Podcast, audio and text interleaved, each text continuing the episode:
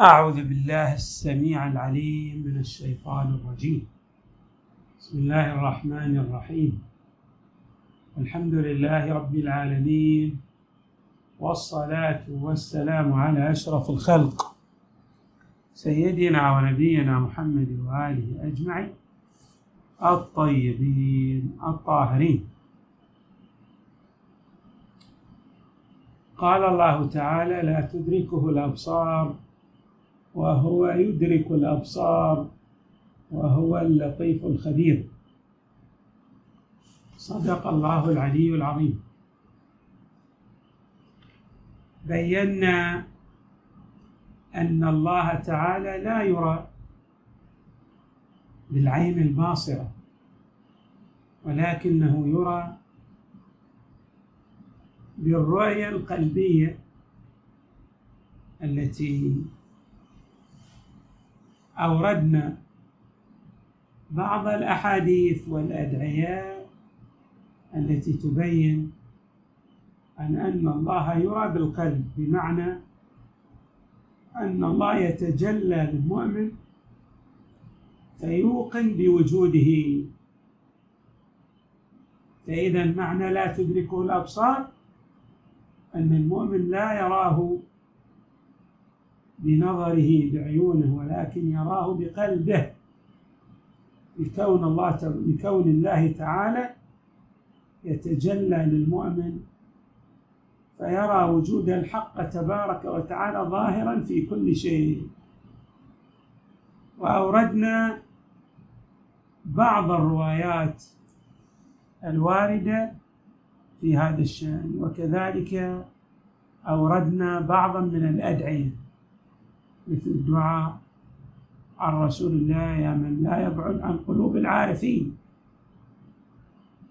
أو دعاء مولانا زين العابدين الذي يقول فيه واجعلنا من الذين فتقت لهم رتق عظيمة غواشي جفون حدق عيون القلوب حتى نظروا إلى تدبير حكمتك وشواهد حجج بيناتك. فعرفوك بمحصول فطن فطن القلوب. وأنت في غوامض سترات حجب القلوب. فسبحانك أي عين تقوم بها نصب نورك.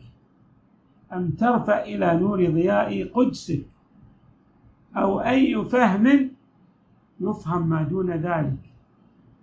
إلا الإبصار إلا الأبصار التي كشفت عنها حجب. ماذا؟ حجب العمية. يعني ما جعلتها أبصار عمي لا تراك وهنا يقصد بها أبصار القلوب. فرقت أرواحهم على أجنحة الملائكة. ولذلك الإمام يقول فحرقت قلوبهم حجب النور فحرقت قلوبهم حجب النور حتى نظروا أو فحرقت قلوبهم حجب النور حتى نظروا بعين القلوب إلى عز الجلال في عظم الملكوت. أوضح إذا الإمام عليه السلام أن القلوب هي التي ترى الله لأنها تخرق أو تخترق حجب النور. وأيضا ورد عنه في المناجاة أسألك بسبحات وجهك وبأنوار قدسك وأبتهل إليك بعواطف رحمتك ولطائف برك أن تحقق ظني بما أؤمله من جزيل إكرامك وجميل إنعامك. في القرب منك والزلف لديك. والتمتع بالنظر إليك. كيف ينظر إلى الله؟ نعم بعين القلب. والروايات والأدعية في هذا الشأن كثيرة هنا عندنا تعبيران مختلفان. لا بد من إيضاح هذين التعبيرين التعبير الأول أن الله تعالى امتنع عن خلقه بمعنى أنه احتجب عنهم.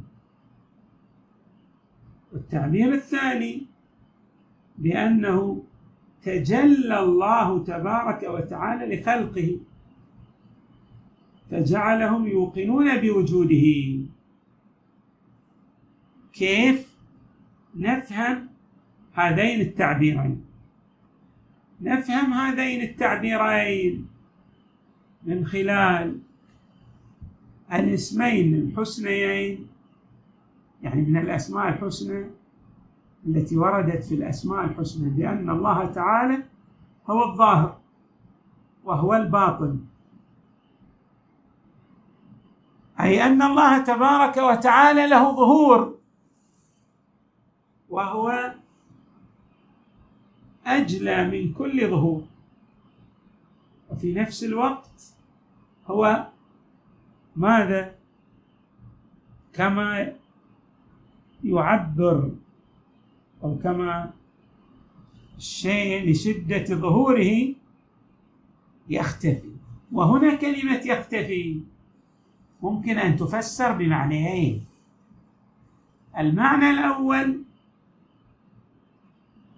يختفي عن قلوب غير الذين وصلوا إلى مشاهدة أنوار قدسه.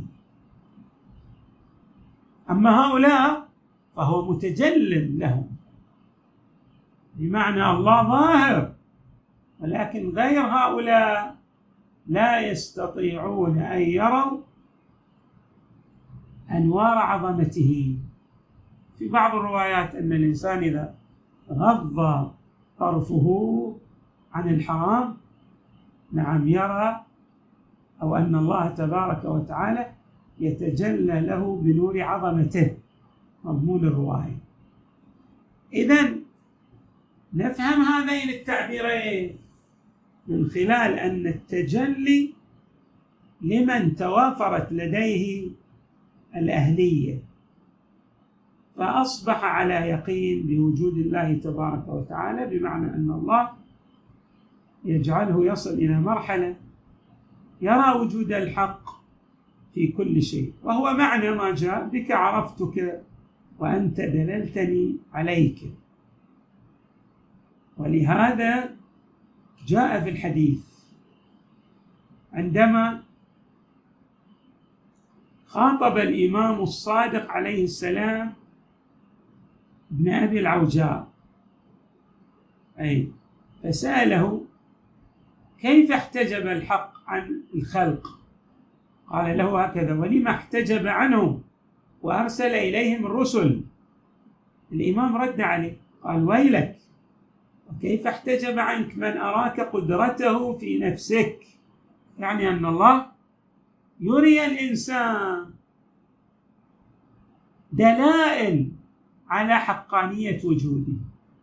دلائل على ضرورة معرفته. ولذلك الإمام لاحظ ما وكيف احتجب عنك من أراك قدرته في نفسك. ثم الإمام بين كيف يرى الخلق قدرة الله في نفوسهم. قال نشوءك ولم تكن. يعني ما كنت ثم الله أوجدك في عالم الوجود هذا. وكبرك بعد صغرك. وقوتك يعني أراك قوتك بعد ضعفك. وما زال الإمام يعدد على ابن أبي العوجاء كيف يتجلى الحق للخلق من خلال المراحل المختلفة التي الأطوار المتعددة التي تمر على الإنسان. أيضا رواية أخرى. تبين كيف احتجب الله عن الخلق. بمعنى أن الذين احتجب عنهم هم الذين لم يؤهلوا أنفسهم لإدراك حقانية وجوده تبارك وتعالى. الرواية عن الإمام الرضا لما سأله يعني أحد الزنادقة فقال له يعني قال للإمام أو طلب من الإمام علة الاحتجاب. فأجابه الإمام أن الاحتجاب عن الخلق لكثرة ذنوبهم. يعني الله يتجلى للخلق إذا أهلوا أنفسهم من خلال الابتعاد عن الذنوب والإقبال على الله تبارك وتعالى سوف يرى هذا العبد المؤمن يرى الحق في كل ذرة من ذرات الوجود. أيضا رواية أخرى عن الإمام الرضا يقول لا تشمله المشاعر ولا يحجبه الحجاب. فالحجاب بينه وبين خلقه لامتناعه مما يمكن في ذواته. يعني لماذا احتجب عنك لا تراه. لأنك ما عندك قدرة بهذه الباصرة بالعيون بالنظر أن ترى وجوده. لكن الله تعالى أعطاك القلب الذي من خلاله تصل إلى مرحلة من الإيقان بوجوده. الإمام يقول لامتناعه مما يمكن في ذواتهم ولإمكان ذواتهم مما يمتنع منه. يعني تمتنع ذاته منه. والافتراق الصانع والمصنوع. والرب والمربوب والحاد والمحدود. الإمام يشرحها هنا. يعني بيقول باعتبار محدودية هذه البصر. لا يمكن أن يرى الله.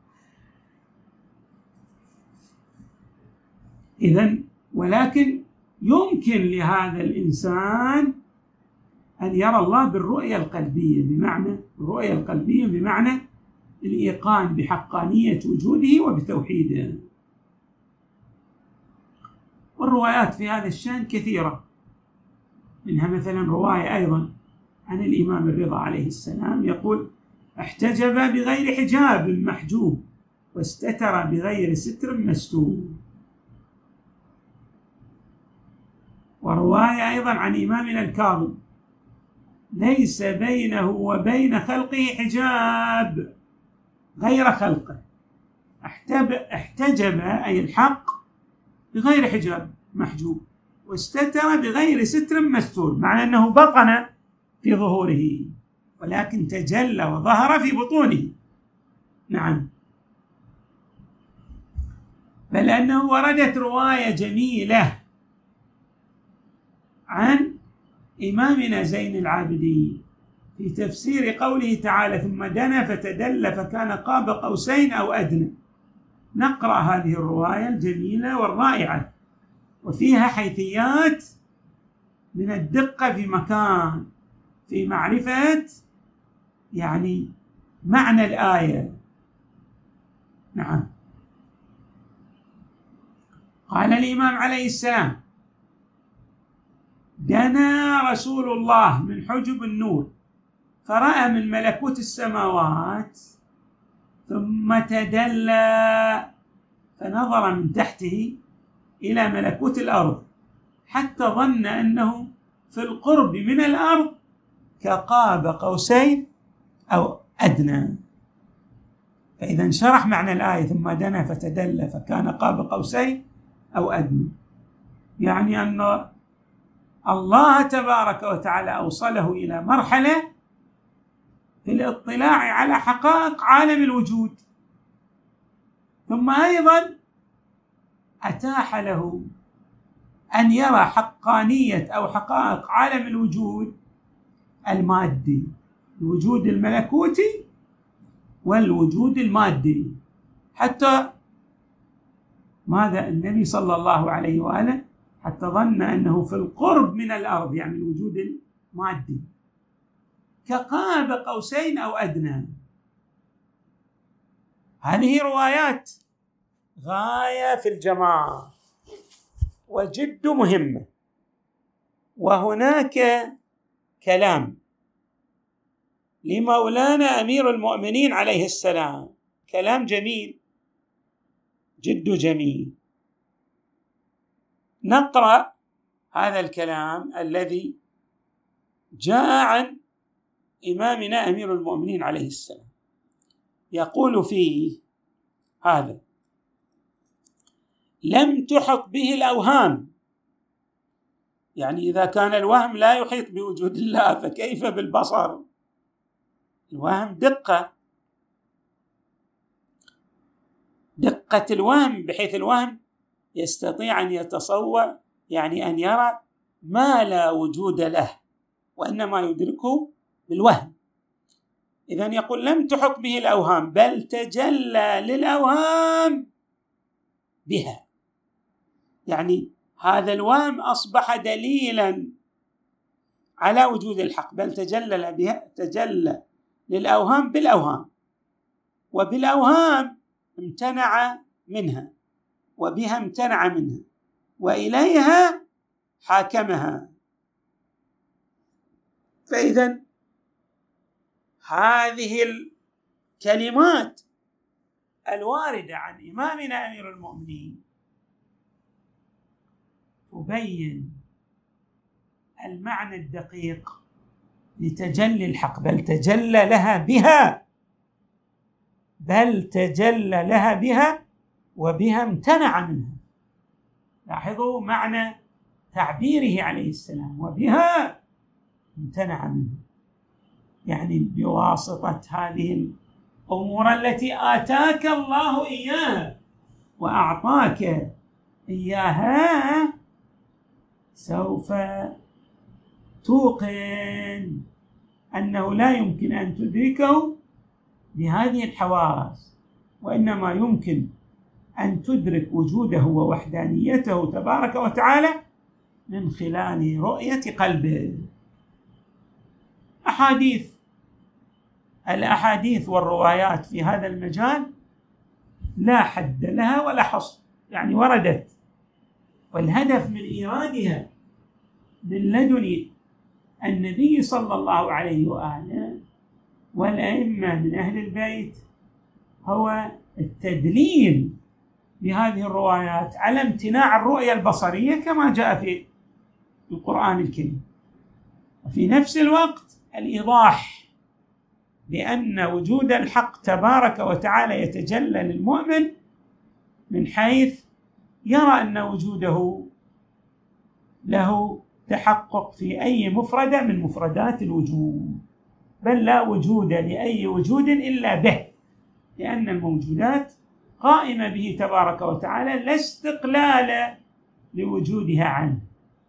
ومن عرف هذا المعنى الدقيق سوف يلتفت إلى معنى تجلى لها بها وبها امتنع منها. نسأل الله تبارك وتعالى أن يجعلنا من الموقنين بوجوده الذين يدركون حقانية توحيده تعالى. الحمد لله رب العالمين.